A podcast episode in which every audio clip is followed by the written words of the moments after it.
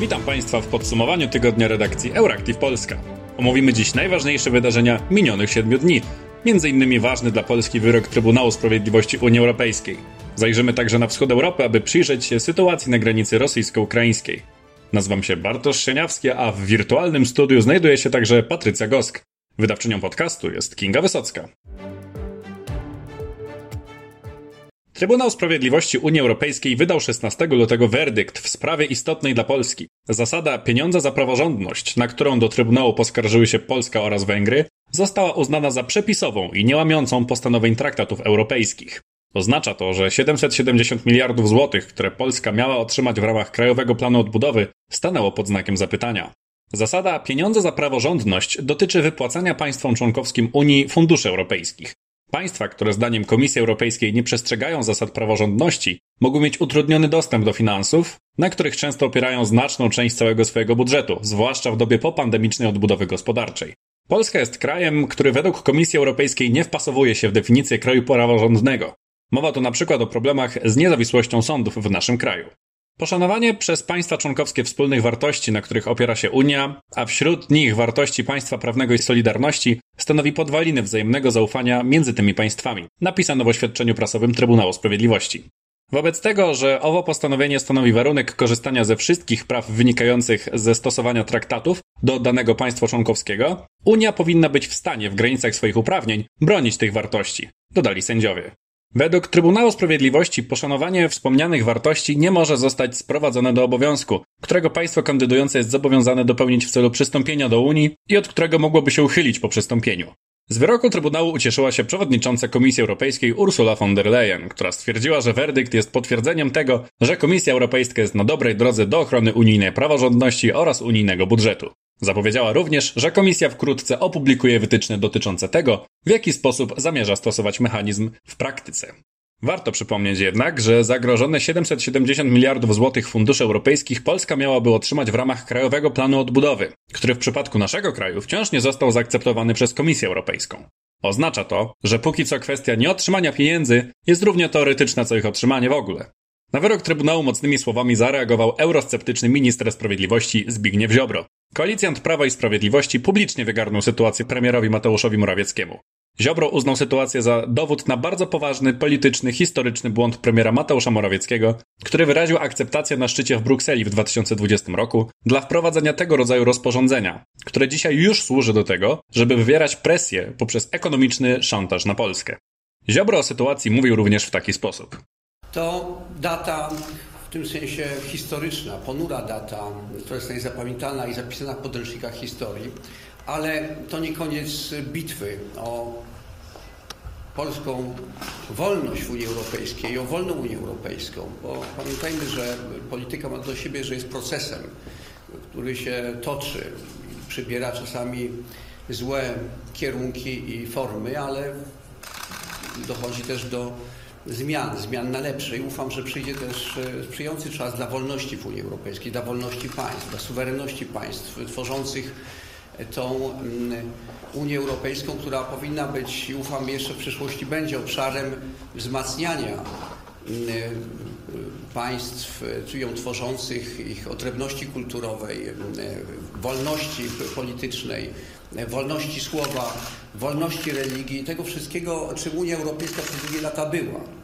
E, a czym powoli przestaje być właśnie na skutek hegemonii największych państw Unii Europejskiej, które pod pretekstem e, rzekomej praworządności stosują tak naprawdę mechanizm transferu władzy z państw narodowych, z państw suwerennych do centrali w Brukseli, gdzie za nitki pociągają ci najbardziej wpływowi decydujący o kierunku zmian w Unii Europejskiej. Tu w pierwszej kolejności należy oczywiście patrzeć na Berlin. E, I ta transformacja, to przepoczwarzanie się Unii Europejskiej z tego obszaru wolności w twór, który tu tej wolności może zagrażać, może ograniczać, może zagrażać też suwerenności, jest e, procesem historycznie bardzo niebezpiecznym. I to orzeczenie w tym sensie jest niebezpieczne. Ale nie ulega też wątpliwości, że wszyscy, którzy znają, czy trzeźwo patrzą na obraz dzisiejszy Unii Europejskiej, nie mogli mieć wątpliwości, jakie będzie orzeczenie tego Trybunału który mm, przecież nie jest żadnym niezawisłym sądem, tylko jest politycznym organem Unii Europejskiej służącym do tego, aby realizować cele mm, establishmentu europejskiego. Do słów koalicjanta odniósł się wywołany do tablicy Mateusz Morawiecki. Przecież tak nie powinno być. Granice kompetencji są ściśle określone w traktatach. W traktatach, które nas obowiązują także, przyznaliśmy pewne kompetencje, na wyłączność nawet Unii Europejskiej, ale tylko pewne kompetencje. Natomiast cała gama innych kompetencji pozostała w domenie państw członkowskich. A więc ten proces poszerzania kompetencji jest rzeczywiście bardzo niepokojący, jest rzeczywiście bardzo groźny. Jest to jeden z bardzo wielu wyroków, który jakby dopisuje się do, dopisuje rozdział do tej księgi poszerzania kompetencji. I w tym kontekście my stoimy w innym miejscu sporu ideowego, sporu instytucjonalnego w Unii Europejskiej. My wskazujemy na to, Polska wskazuje na to, że centralizacja, centralizacja biurokratyczna, federalizacja, jak niektórzy mówią troszeczkę bardziej okrągłym słowem, ale równie niebezpiecznym, a więc mów, używajmy tego bardziej e, adekwatnego. Centralizacja struktur Unii Europejskiej jest procesem niebezpiecznym. Sytuację skomentował także wicepremier oraz prezes PiS Jarosław Kaczyński. Rzeczywiście dzisiaj w Unii trwa proces, któremu się przeciwstawiamy, proces ograniczenia czy wręcz eliminowania suwerenności państw, które są członkami Unii, ale mm, to wszystko jest w trakcie i to w trakcie mm, pewnej kontrowersji. Nie chcę już tutaj używać określenia walka, bo w Unii Europejskiej nie należy ze sobą walczyć ale mm, takie określenie też nie byłoby tutaj dalekie od prawdy. I to, że mm, ta skarga zostaje nie odrzucona, to było bardzo łatwe do przewidzenia, szczególnie już po wypowiedzi rzecznika generalnego, po jego stanowisku. Ale i przedtem było to właściwie oczywiste. My mamy do czynienia z takim napięciem między naszym słusznym oczekiwaniem dalszego wsparcia ze strony Unii. My bardzo szybko zbliżamy się do tego momentu, w którym będziemy już płatnikiem netto, no ale jeszcze trochę czasu jest, trochę drogi do przebycia e, i chcielibyśmy w dalszym ciągu mm, korzystać z tego samego, z czego korzystało wiele innych państw, które już dzisiaj ten poziom 100% przeciętnej Unii Europejskiej osiągnęły. E, a z drugiej strony mm, no, jest próba wykorzystania tej sytuacji wobec państw, e, no właśnie gospodarczo nieco jeszcze w tej chwili odstających od tej zachodniej części Unii Europejskiej, żeby je no, postawić e, wobec takiego wyboru, który w żadnym wypadku nie powinien mieć miejsca i który jest w oczywisty sposób sprzeczny z traktatami. Sytuacja zaważyć może nie tylko na krajowym planie odbudowy, ale także na pieniądzach pochodzących z wieloletnich ram finansowych. Warto przypomnieć, że Polsce grozi także potrącenie niezapłaconej grzywny, która została nałożona na nasz kraj przez Trybunał Sprawiedliwości we wrześniu za niewstrzymanie wydobycia węgla brunatnego w Dolnośląskiej kopalni Turów. Amerykańscy lekarze osiągnęli kolejny wielki sukces. Mowa tu o wyleczeniu pierwszej na świecie kobiety z zakażenia HIV. Chorująca na białaczkę pacjentka została poddana eksperymentalnej terapii, dzięki której w ciągu ostatnich kilku lat wyleczono już dwóch mężczyzn. Metoda opiera się na poddaniu chorego chemioterapii w celu zabicia wszystkich zakażonych HIV białych krwinek, a następnie na przetoczeniu mu krwi od ochotnika naturalnie odpornego na zakażenie ludzkim wirusem niedoboru odporności. Tej terapii poddana została chora Amerykanka. Od 14 miesięcy, kiedy miało to miejsce, jej stan zdrowia ulega poprawie, a badania nie wykazują w jej organizmie wirusa HIV. Na całym świecie wiele zakażonych HIV osób czeka wciąż na lekarstwo. Szacuje się, że aż niemal 38 milionów ludzi na świecie cierpi na zakażenie tym wirusem. Dla porównania, jest to taka sama liczba osób, co ludzi mieszkających w Polsce. Odbywający obecnie dwuletni wyrok więzienia Aleksiej Nawalny, rosyjski opozycjonista i polityczny przeciwnik Władimira Putina, ponownie został wezwany do sądu. 15 lutego rozpoczął się kolejny jego proces. Tym razem sytuacja dla Nawalnego jest znacznie gorsza, ponieważ odpowiada przed sądem już jako recydywista. Opozycjonista został oskarżony o obrazę sądu oraz o defraudację kilku milionów rubli, należących do jednej z jego organizacji pozarządowych, które wraz ze znajomymi miał wydać na prywatne, a nie statutowe cele stowarzyszenia. Nawalnemu grozi więc kolejne 10 lat więzienia. Aktywista obecnie przebywa w zakładzie karnym na zachodzie Rosji. Pod zarzutem nieprzestrzegania zwolnienia warunkowego zatrzymany został w styczniu 2021 roku, po tym jak wrócił do kraju z Niemiec, gdzie poddawany był leczeniu po próbie otrucia w sierpniu 2020. Za zamachem stali najprawdopodobniej agenci rosyjskiej służby FSB. O sprawie Nawalnego wypowiadają się także politycy Unii Europejskiej. We wtorek rozpoczyna się kolejny proces przeciwko Aleksiejowi Nawalnemu, który odbędzie się w jego kolonii karnej niestety bez możliwości obserwacji. Unia Europejska nadal uważa oskarżenia za motywowane politycznie i wzywa do jego natychmiastowego i bezwarunkowego uwolnienia, napisał rzecznik Komisji Europejskiej do spraw polityki zagranicznej Peter Stano. 15 lutego rząd wprowadził w Polsce pierwszy, najniższy stopień alarmowy CRP, który obowiązywał będzie do marca. Alarm stanowi sygnał dla służb zajmujących się bezpieczeństwem oraz dla administracji publicznej do zachowania szczególnej czujności w związku z zagrożeniem atakiem terrorystycznym lub cyberterrorystycznym. Media, powołując się na Polską Agencję Prasową, informują, że decyzja o wprowadzeniu Alfa CRP ma związek z zaostrzającą się sytuacją geopolityczną i atakami cybernetycznymi na Ukrainie. Agencja uspokaja jednak, że działanie to ma mieć prewencyjny charakter. Wprowadzenie pierwszego stopnia alarmu zobowiązuje administrację publiczną do prowadzenia wzmożonego monitoringu stanu bezpieczeństwa systemów teleinformatycznych. Instytucje publiczne będą m.in. monitorować i weryfikować, czy nie doszło do naruszenia bezpieczeństwa komunikacji elektronicznej. Alarm wprowadzono w związku z masowymi atakami hakerskimi DDoS na internetowe platformy banków, rządu oraz wojska na Ukrainie. Polski rząd przypomina, że każdą nietypową lub niepokojącą sytuację, która może mieć związek z zagrożeniem bezpieczeństwa publicznego, należy zgłaszać na numer alarmowy 112 i na policję. Przenosimy się na wschód Europy. Patrycja opowie Państwu o napiętej sytuacji między Rosją a Ukrainą. W poniedziałek kanclerz Niemiec Olaf Scholz udał się z wizytą na Ukrainę, gdzie spotkał się z prezydentem Wołodymyrem Zełenskim. Podczas ich rozmowy poruszono kwestię ewentualnego przyjęcia Ukrainy do Sojuszu Transatlantyckiego. Scholz, wbrew entuzjazmowi ukraińskiego prezydenta, stwierdził, że natowska akcesja tego kraju nie jest obecnie przedmiotem rozmów. Zapowiedział jednak, że Niemcy udzielą Ukrainie nowego kredytu w wysokości 150 milionów euro. Rozmawiano także o Nord Stream 2, które Zełański nazwał bronią polityczną, a także o potrzebie zwołania rozmów w formacie normandzkim, zrzeszającym Ukrainę, Rosję, Niemcy i Francję. We wtorek kanclerz Niemiec odwiedził zaś Moskwę, gdzie przekonywał Władimira Putina do podjęcia kroków na rzecz deeskalacji sytuacji wokół Ukrainy. Po czterogodzinnych rozmowach na Kremlu z prezydentem Rosji Władimirem Putinem Scholz powiedział, że do kontynuacji rozmów w celu uniknięcia wojny między Rosją a Ukrainą konieczne jest wypracowanie wspólnego stanowiska Zachodu i Rosji. Stwierdził też, że możliwości dyplomatyczne są dalekie od wyczerpania.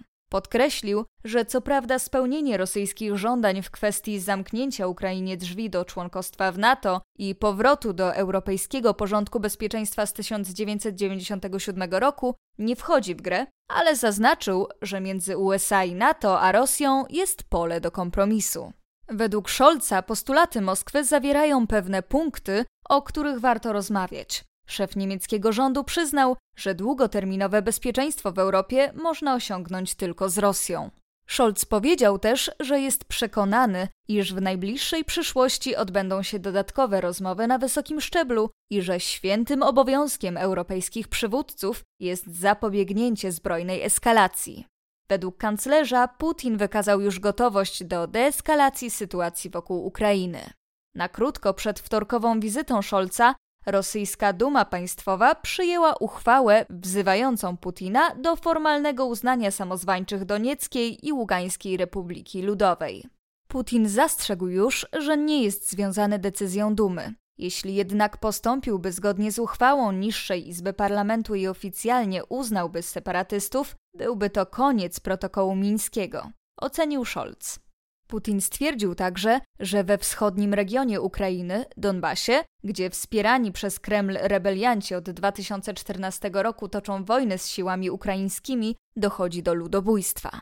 Tymczasem serwisy internetowe Ministerstwa Obrony Narodowej Ukrainy i dwóch dużych banków padły ofiarą poważnego ataku hakerskiego.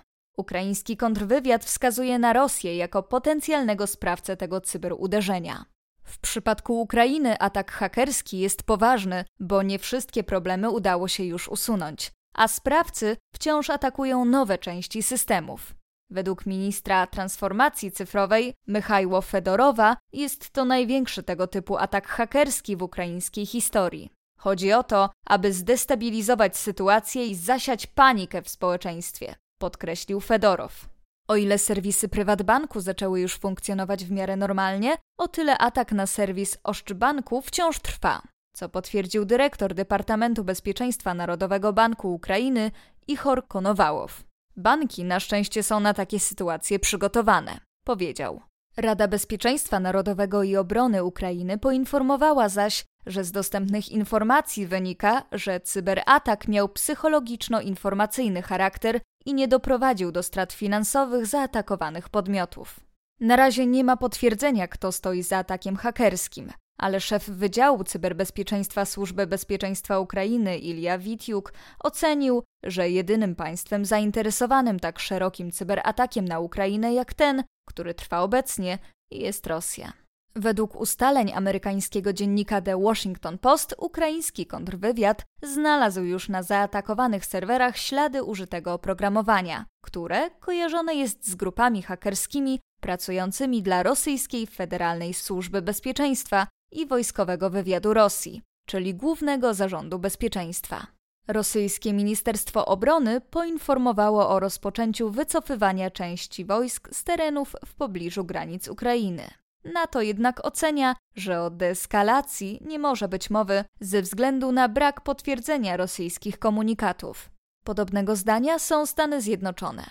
Co więcej, według Stanów Zjednoczonych wojsk rosyjskich przy granicy z Ukrainą przybywa.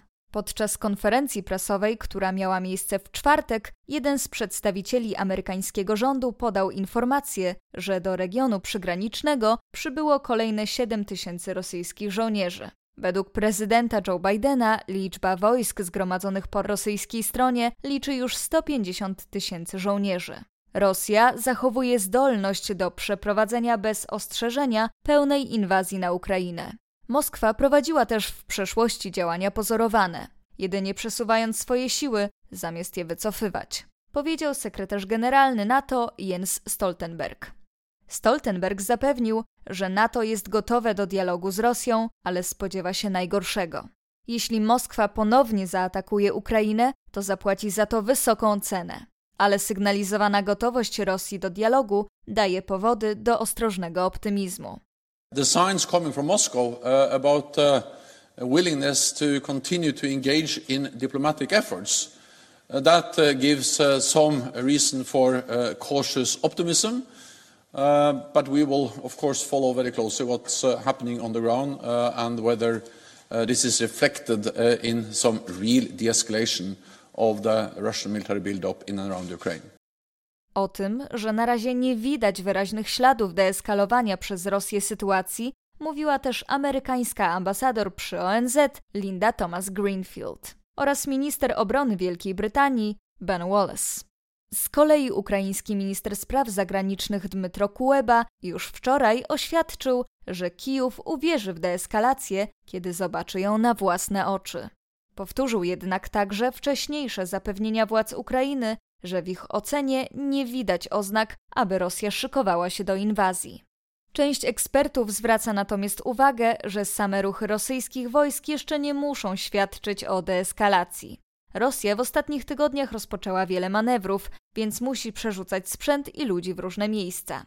Rosyjskie wojsko ćwiczy obecnie także na Morzach Śródziemnym i Barentsa, a także w Abchazji i Tadżykistanie. To już wszystko w dzisiejszym podsumowaniu tygodnia Euractiv Polska. W imieniu całej redakcji życzę Państwu udanego weekendu i do usłyszenia.